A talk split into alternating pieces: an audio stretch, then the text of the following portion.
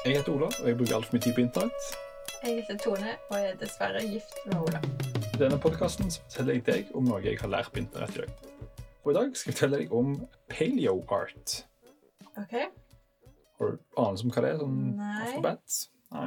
Uh, det er Dette eh, var litt eh, overraskende for meg når jeg leste det, men jeg har jo alltid skjønt det. Men alle dinosaurer som du noensinne har sett, er jo bare noen som har tegnet. Ja. Men de er jo tegnet basert på skjeletter som vi har funnet. Ja. Og i starten, da man fant dinosaurer Så paleoart er jo da art of paleontologists, altså dinosaurkunst.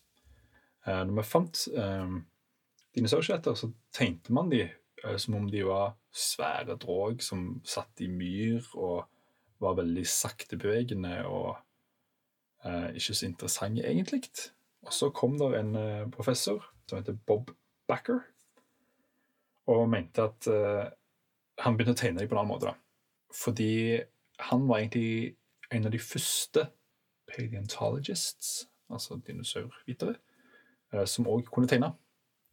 ja. Eh, Før så hadde de liksom bare lært om de og funnet av de, og så måtte noen andre tegne de. ja. Eh, Men han tegnte de sjøl, og tenkte de sånn som han så for seg at de var. Og da tenkte han de som disse supersterke muskelbuntene som vi er vant til å se i dag. da. Mm. Det var ikke sånn vi tenkte at de var da vi først oppdaget dem. Og disse tegningene er jo basert på skjelettene som vi har funnet. Mm. og så da har vi liksom bare tegnet rundt skjelettet. altså Sånn ser den ut. Mm.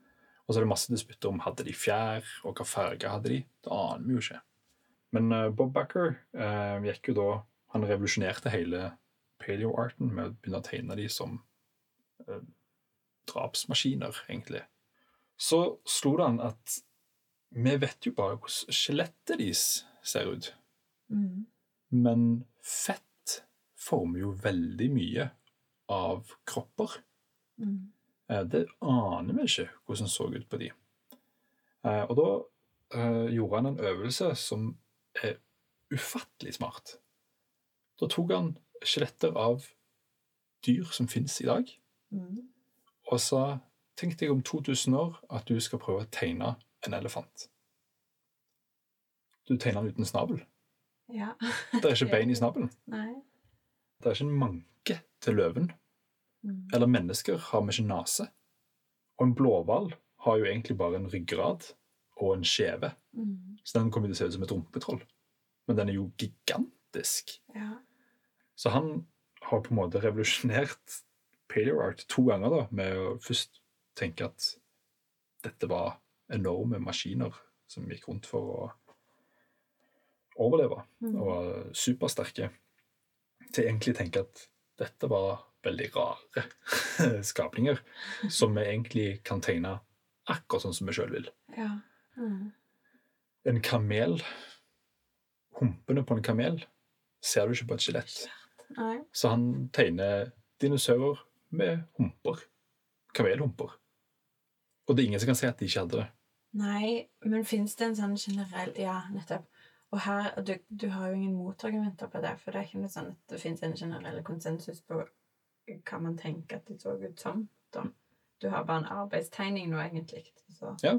Og det er tilbake til Ja. at alle dinosaurer er jo tegnet. ja. Så alle som nå tegner dinosaurer, har jo sett alle tegninger fra før og blir jo tenker at det er sånn de er. Ja. Så det er veldig vanskelig å bryte ut av det. da. Og det er jo han her Bob Backer da, klart to ganger da, med å tenke at men det er jo kanskje ikke sånn det var i det hele tatt. Mm. Eh, Jeg synes det er utrolig smart å gjøre samme øvelsen på skjelettene av dyr vi vet hvordan ser ut. ja.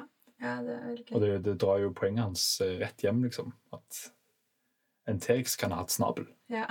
Det, vi vet ikke. ja. Han kan ha hatt det. Ikke, Lite mye som ikke vises av skjelettet, da. Ja. Okay. Mm.